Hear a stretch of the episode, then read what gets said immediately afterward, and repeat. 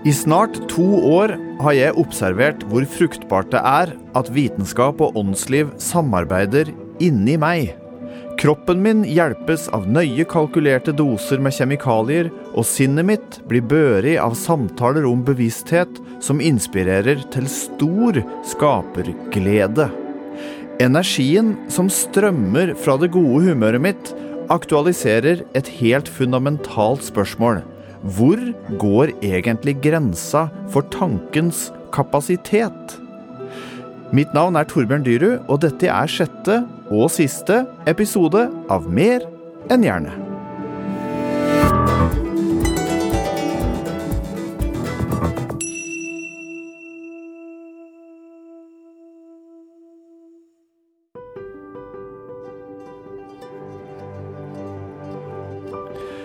Bakgrunnen for denne podkasten var at jeg sommeren 2020 fikk beskjed om at jeg hadde kreft i lungene mine, og at jeg måtte i gang med cellegift noen få uker seinere. Med et håp om å finne trøst leser jeg ei bok om en nær døden-opplevelse skrevet av en nevrokirurg. Denne boka leder meg til det jeg seinere har tenkt på som min mentale nødutgang. Det ubesvarte spørsmålet om sammenhengen mellom kropp og sinn. Hvor er bevissthetens opphav? Jeg fikk følelsen av å ha oppdaget en frodig park der interessante temaer var som trær jeg kunne klatre i. Det fascinerte meg at naturvitenskapen ikke har svar på åssen fysiske prosesser i hjernen blir til opplevelser, tanker og følelser. Det Mette Kristine Hansen forklarte at filosofer kaller det vanskelige problemet. Det hard problem, eller det vanskelige problemet, det er det å forklare hvorfor og hvordan bevisste opplevelser oppstår. sant? Og det som virkelig inspirerte meg, var å oppdage argumentasjonen for at også den naturvitenskapelige bevissthetsforskningen må ta ubegripelige menneskelige erfaringer på fullt alvor. Boka 'Irreducible Mind' fikk meg til å begynne å leite etter mennesker med slike erfaringer i min egen bekjentskapskrets. Noe som førte meg til samtaler med sykepleier Anne Marte om syner på dødsleiet. Sånn blikket deres er, så ser jeg jo at de er, altså, de er jo glad. Så dette er sikkert et hyggelig møte. Min egen onkel, Kjell, om den kristne mystikken. Jeg tror de har oppdaga noe som er felles for ikke bare kristen mystikk, da vi kan ta mystikk i hele tatt. At vi er overbevist om at det fins et overskridende nivå som er tilgjengelig for alle mennesker. Og ikke minst av Heidrun, som både flirer og griner om minnen når jeg forteller om sine fornemmelser den kveld far min døde. Jeg vet ikke helt um, hvordan jeg skal si det helt. Jeg ble så rørt, jeg. Men far har stadig vekk dukket opp i denne historia. Han fikk svulst på hjernen og døde bare 60 år gammel. Den sommeren han ble sjuk, ble han operert på Ullevål sykehus, og tilfeldigheter ville det slik at nevrokirurgen som opererte han, viste seg å være en totning som hadde gått året over meg på barneskolen. Han heter Pål Rønning, og du hørte han prate i første episode. Hva Stemmer det at du spilte fotball? Ja, Jeg spilte fotball, ja. Og hadde tøff sveis? Eh, ja, kanskje. Det var en Pål som satte meg i forbindelse med Lasse Pilstrøm. Det er liksom ikke noen sånn forklaring på det spranget, da. Fra den fysiske informasjonen og over i den The hard problem of consciousness. Da er du på the hard problem. Om Pål inviterte òg sjukehusprest Øystein Buer inn i samtalen. Blant de ca. 50 til nå som jeg har snakka med, så er det en rekke pasienter som har kjennetegn på nær døden-opplevelser.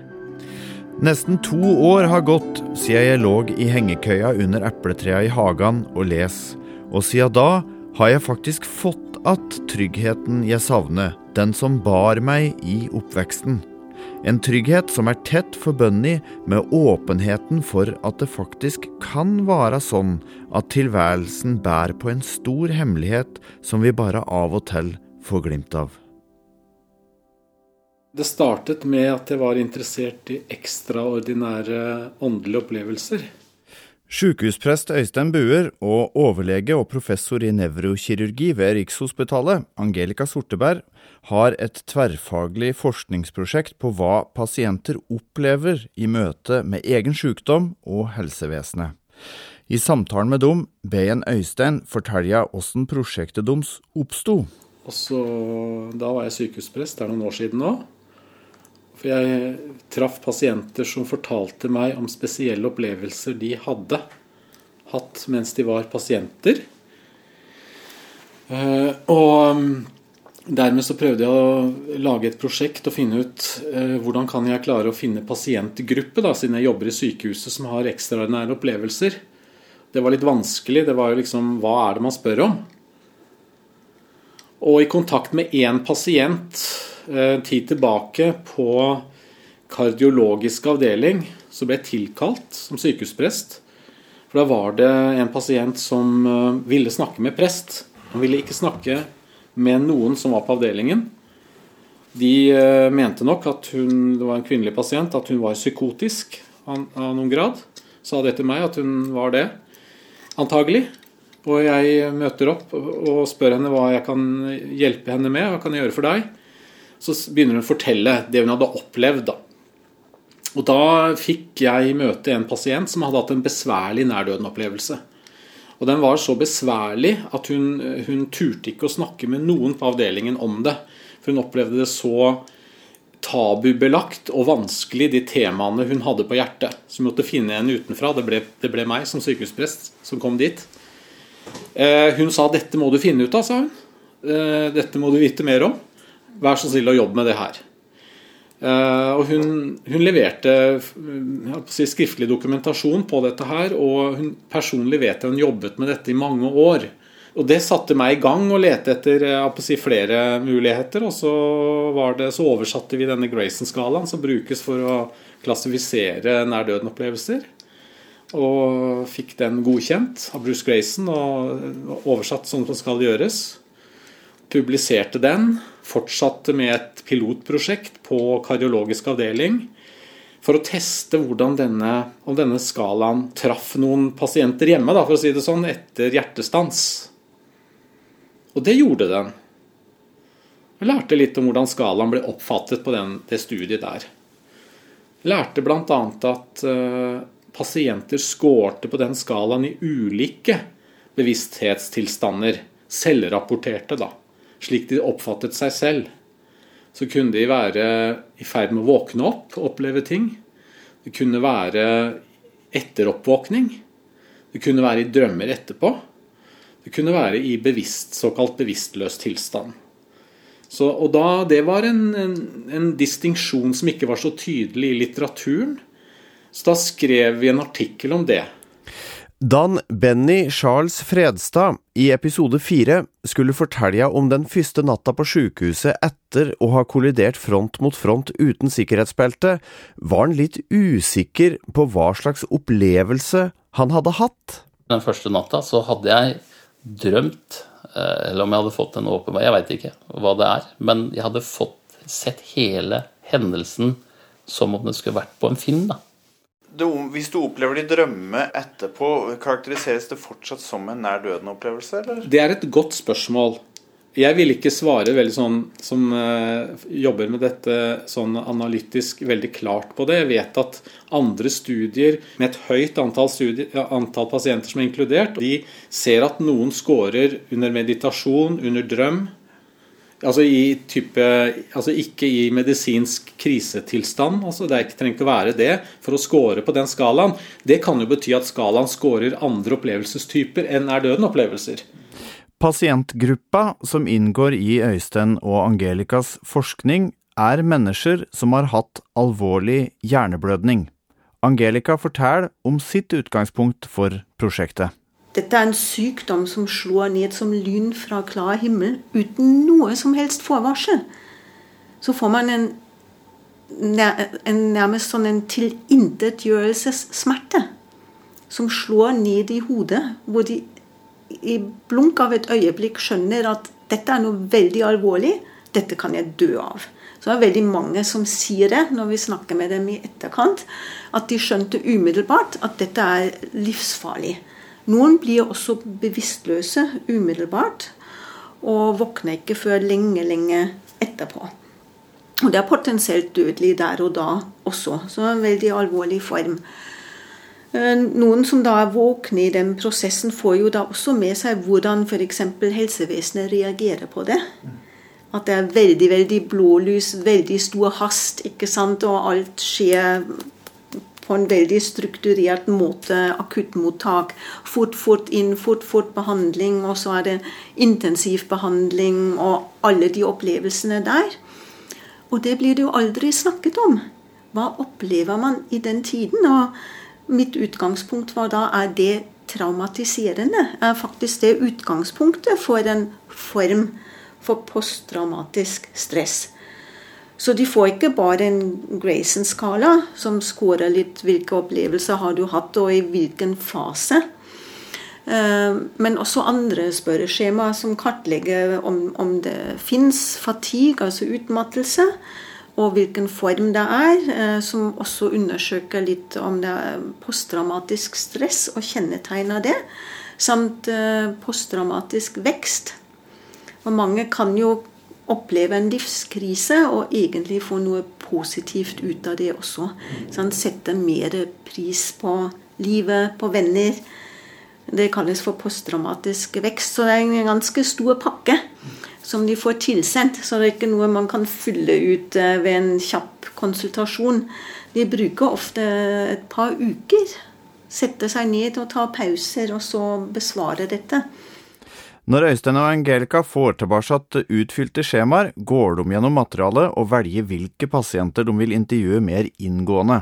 Og da er det jo noen som du da ja. eh, Som rapporterer om interessante ting som du ja. tar kontakt med ja. og intervjuer litt mer systematisk og strukturert.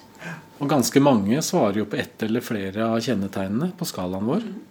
Så det er jo uh, tydelig at denne pasientgruppen kroppen har opplevelser som kan være kjennetegn på nær-døden-opplevelser. Og i ulike bevissthetsfaser. Og Det er også interessant. Det kan bety noe Analysen av det er ikke gjort ennå. Men det kan ha betydning hvilken fase du opplevde dette i. Man kan tenke seg at det kan ha betydning for mestring. Eh, at du er bevisst, kanskje. Kanskje det hjelper deg. Det vet jeg ikke, men det er spørsmål man kan stille seg. ikke sant? Og Hvordan man tolker det, kan også påvirkes av hvilken fase man opplevde de antageligvis. Det er en hypotese. Uh, og så sier det kanskje også noe, da, hvis det er i ulike faser, at de, samme, de ulike kjennetegnene dukker opp. At en nær døden-opplevelse det er noe som kommer til deg når du er i, i, i en livstruende situasjon. Medisinsk og eller psykologisk.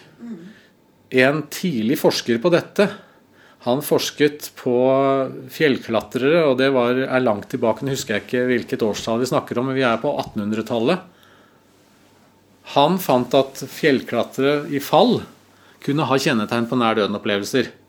Uh, og det, det, var en av de uh, artiklene som fikk meg til å tenke da, at ja, det stemmer jo med pasienter jeg har snakket om. De hadde nær døden-opplevelser i våken tilstand. Så det er ikke bare forbeholdt den når bevisstheten har endra seg og er, har gått over i bevisstløshet. Mm.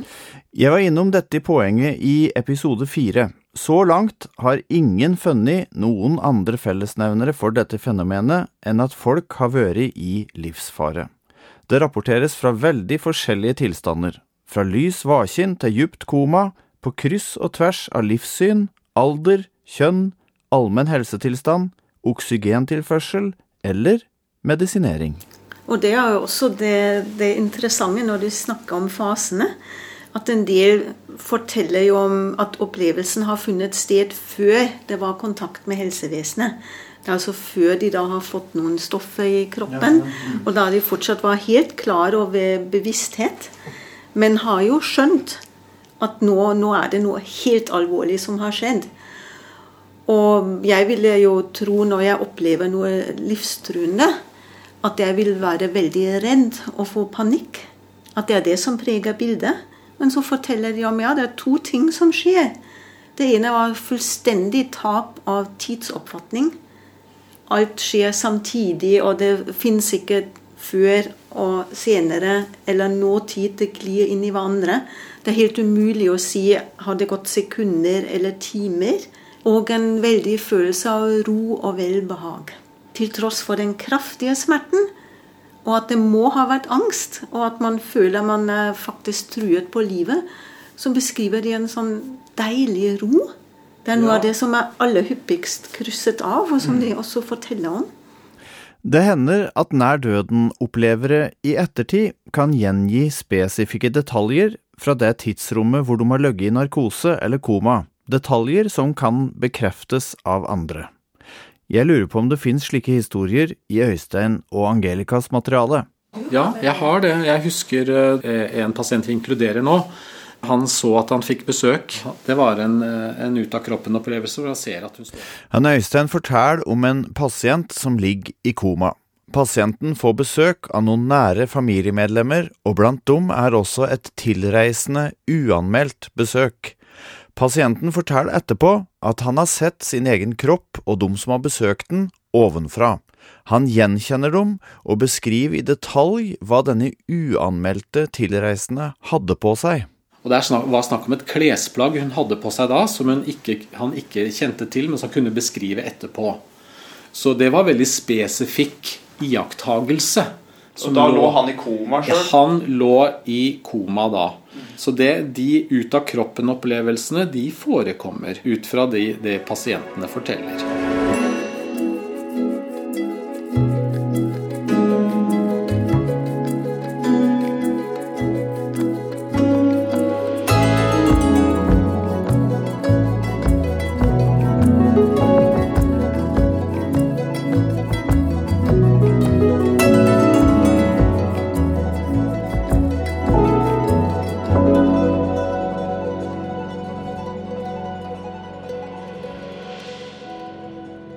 Man virkelig kan slå fast det at eh, det ikke er eh, hjerneaktivitet Nok en gang nevrolog Lasse Pilstrøm.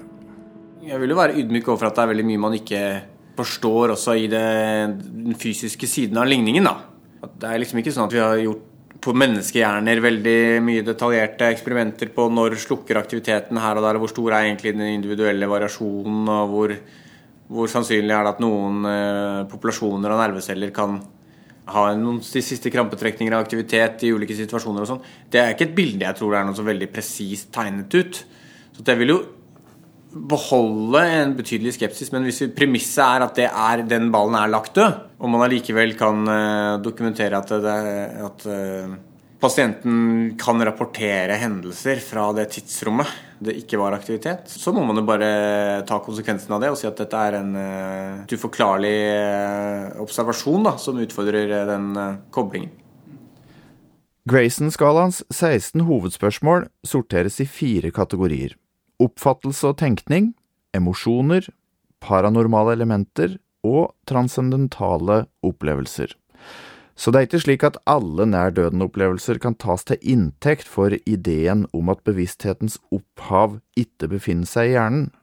Men tilfeller som den Øystein fortalte om, er en reell utfordring for fysikalismen. Hadde pasientens opplevelser lignende drømmer, hadde dette vært enkelt, du drømmer at du ser kroppen din ovenfra.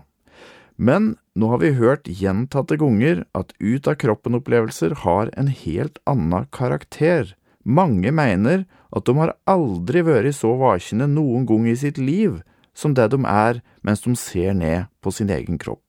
Og noen gjør observasjoner i rommet som bekreftes av andre i etterkant. About 15 years ago, Jan Holden did a survey of 93 different reports of out of body experiences during NDEs. Dette er Bruce Grayson i et foredrag fra 2020.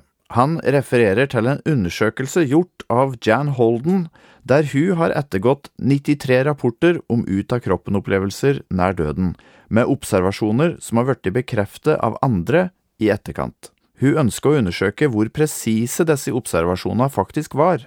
She found that 92% of them were completely accurate. That is, confirmed by someone else who witnessed the events.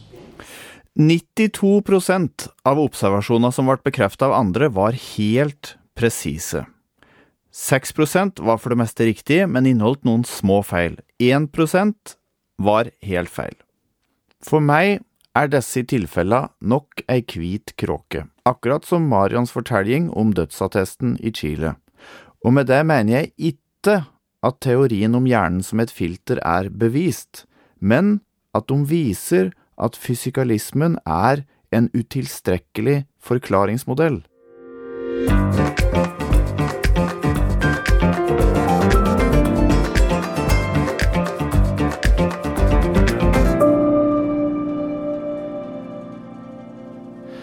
Etter at jeg fortalte Lasse Pilstrøm om James Lininger, denne vesle gutten som kunne fortelle forbløffende presise detaljer fra pilot James Houston sitt liv, ba jeg Lasse si litt mer om hva han tenker om motsetningsforholdet mellom filterteorien og den tradisjonelle vitenskapen.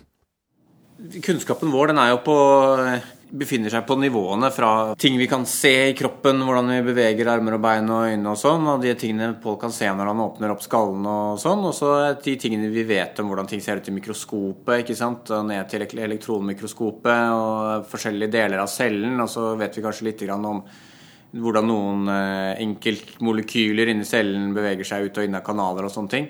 Og så, så stopper det jo litt for oss. Altså Vi er jo ikke sånn eh, kvantefysikere f.eks. Som, som vet på en måte har inngående kjennskap til virkelighetens aller dypeste, innerste natur. Og den derre veven av årsakskjeder da, som, som uh, vi kan observere, den, den, er jo da på et litt sånn høyere nivå her.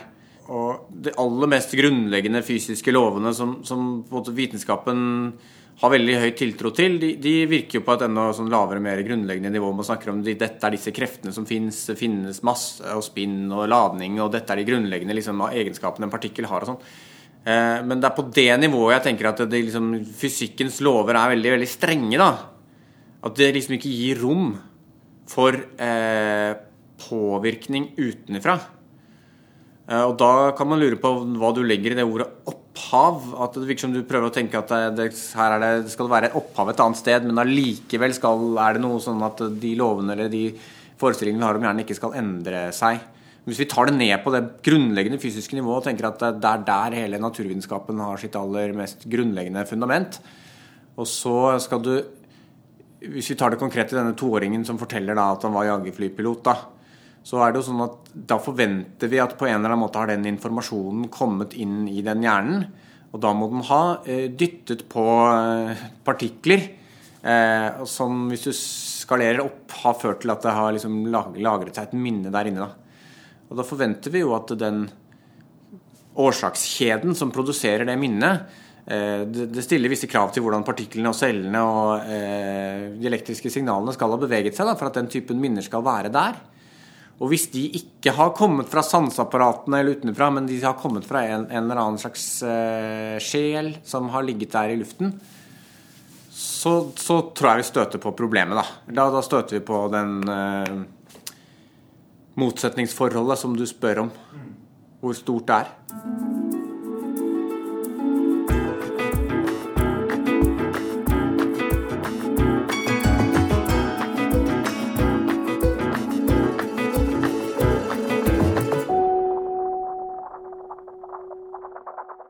Og jeg tror jo at alt åndelig som skjer, hvis vi skal kalle det åndelig, spirituelle ting, på en måte har en ekvivalent i hjernen.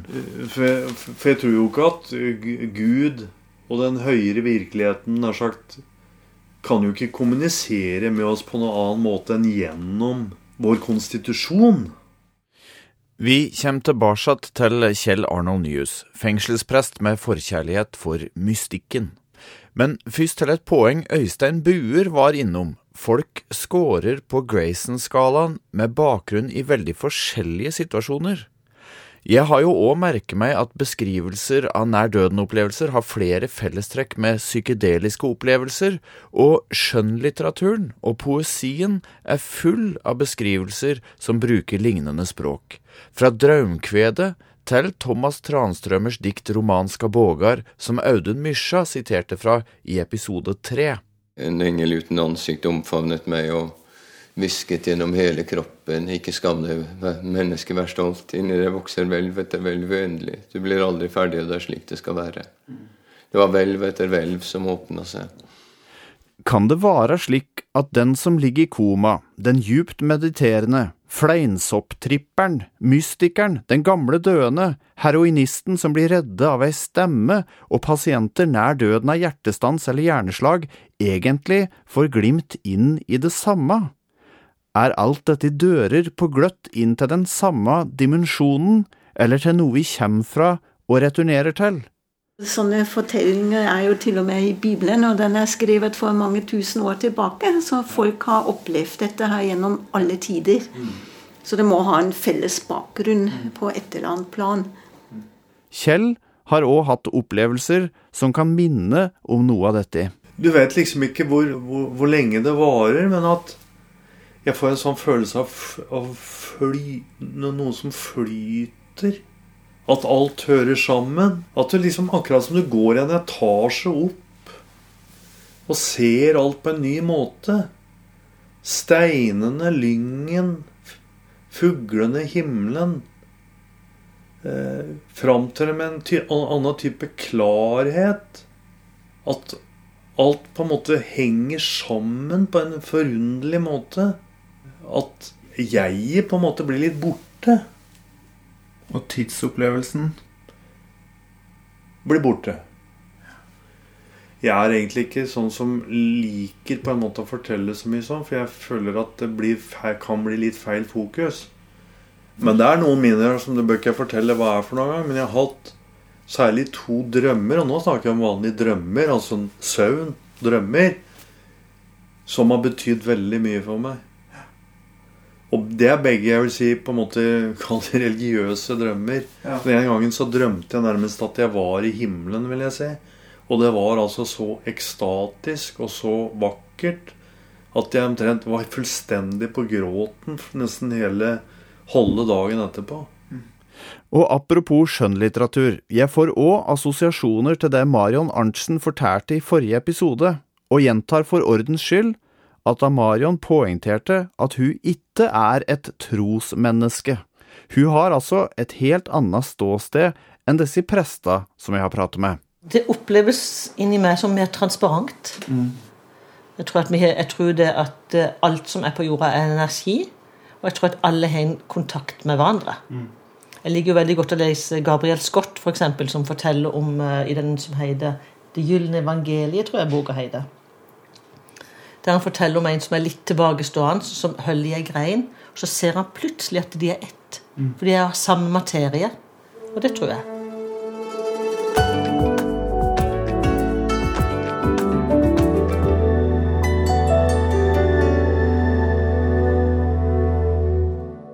Så vi må ha et åpent sinn. Og jeg, jeg velger jo den tilnærmingen at når, når det er veldig mange mennesker som beskriver dette her, og har også fenomener som vi vet er til stede, som påvirker mennesker, velvære og helse i det videre. Og da må vi finne ut av det, og da må vi begynne å anerkjenne at de fins. Og kanskje også adressere de, hvis det er sånn at når man har sånne opplevelser under en sykehusinnleggelse, at man må snakke mens, mens det skjer, altså under samme opphold i hvert fall. Sånn at man slipper å bli sittende med det inni seg og tro at noe er galt med meg. For det er jo, det er jo ingen som forteller om dette spontant. Så pasienter man kjenner veldig godt, har hatt opplevelser som de ikke har delt med oss før man helt konkret spør, for de er redde for å bli ledd av. Det er en viss sånn tabu og stigmatisering at dette er ikke vitenskapelig nok. Så jeg tror ja, det, det at vi henger litt etter med i denne harde vitenskapen, og jobber litt hardere med å finne ut av eh, hva det egentlig er, når det er så mange som forteller om det. Det kan være en fin øvelse for tanken å løfte blikket både geografisk og historisk. For det er lett å glemme at den materialistiske vitenskapen som i vår del av verden er den altoverskyggende sannheten om tilværelsen, i denne sammenhengen er tufta på en idé som fortsatt er ganske fersk. Ideen om at vår bevissthet har sitt opphav i hjernen er ikke så mye eldre enn et par hundre år gammel. I tillegg er den i all hovedsak tufte på tankegods fra europeisk og etter hvert nordamerikansk akademia, et miljø som stort sett har bestått av hvite menn mellom 20 og 60 år med en typisk intellektuell disposisjon. Med andre ord, en bitte liten andel av jordas befolkning, både geografisk og historisk. Jeg tror det er mye å vinne på at rommet for å prate om åndelige erfaringer utvides, noe Audun Mysja også understreker. Det vår tid ikke trenger mer av er polarisering og, og, enkle løsninger. Vi trenger evnen til å kunne romme. Vi trenger forskerens nøkternhet. Men vi trenger å romme de her fenomenene. For det vitenskapelige problemet med materialistisk vitenskap er ikke at de er konkrete og jordnære, det er jo ingen problem. Men at den utelukker en stor del av menneskets erfaringsverden. F.eks. tør ikke folk å snakke om sine åndelige opplevelser. Jeg må gi anonymitetsgaranti, skrive under på anonymitet for at folk skal fortelle meg om en åndelig opplevelse. For de er så livredd for konsekvensene. Eller de har blitt så hardt nærmest traumatisert av å dele noe av sin indre helligdom og måten de blitt tatt imot på. Og det er problematisk, også vitenskapelig sett. For eh, en, en ekte vitenskap, det, det må romme det faktisk menneskelige. Marion Arntzen har viet livet sitt til å hjelpe folk med identitetsutfordringer knyttet til kjønn. Det beriker også hennes perspektiv på sine egne forunderlige egenskaper. Og så tykker jeg jo det at det er så Jeg undrer meg alltid på mennesker som kan være så veldig negative til de som ikke er som de sjøl. Mm. Det er så rart. Mm. For jeg tenker Hvorfor? Så jeg tror at det, det menneskelige mangfold har vi ikke våget å se inn i. Og da tenker jeg det henger sammen med det du lurer på, ikke sant? med det å se ting, finne ting. Hva er det vi hører og ser, og som ikke alle andre kan se? Kanskje vi skal bare åpne litt flere dører? Kanskje vi skal bare egentlig se verden med litt videre syn, kanskje?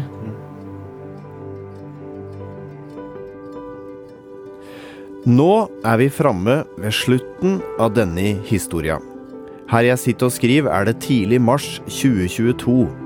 For tredje gang på halvannet år er jeg hår- og skjegglaus av kreftbehandling, men humøret og inspirasjonen som våkner i hengekøya sommeren 2020, blir liksom ikke borte. Noe grunnleggende viktig åpner seg i meg ved inngangen til denne frodige parken. Jeg så ikke bare spirer, men fullvoksne trær med mangefasettert krone og akademiske røtter, forskning som ikke var svermerisk, men som tok åndelige erfaringer på fullt alvor i sin jakt på kunnskap om sammenhengen mellom kropp og sinn. Jeg fant en begrunnet aksept for en forståelse av virkeligheten som stemte overens med åssen jeg intuitivt opplever verden. For hvor går egentlig grensa for tankens kapasitet?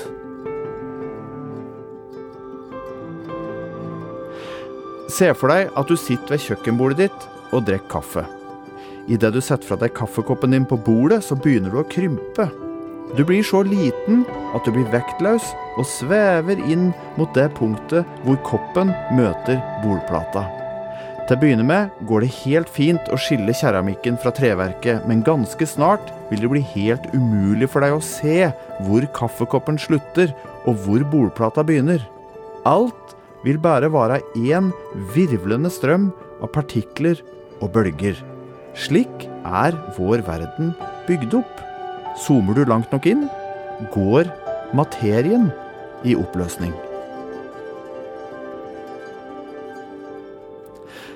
Så møtes alle der, ved bevissthetens elvebredd.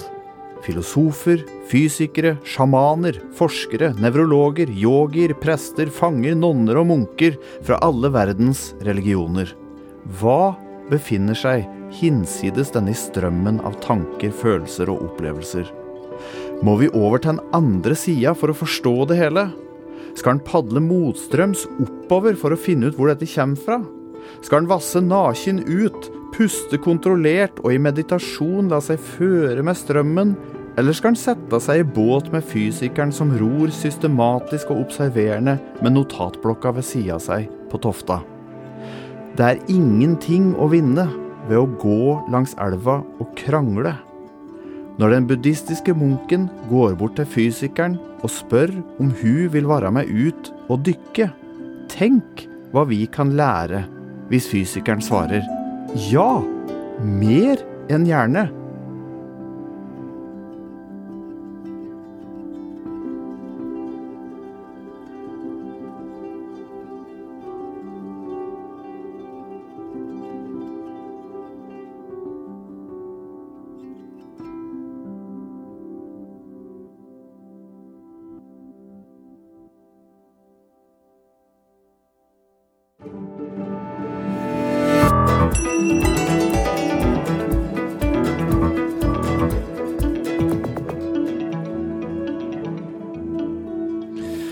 Du har hørt sjette og siste episode av Mer enn gjerne. Stor takk til dem som ble intervjuet i denne episoden. Øystein Buer, Angelica Sorteberg, Lasse Pilstrøm, Kjell Arnold Nyhus, Marion Arntzen og Audun Mysja. Du hørte utdrag fra Bruce Graysons foredrag Near Death Experiences Consciousness of Science and Scientists fra 2019. Du finner hele foredraget på YouTube. Mitt navn er Torbjørn Dyrud, og det er jeg som har gjort intervjuer, skrevet tekster, komponert musikk og klipt sammen det hele.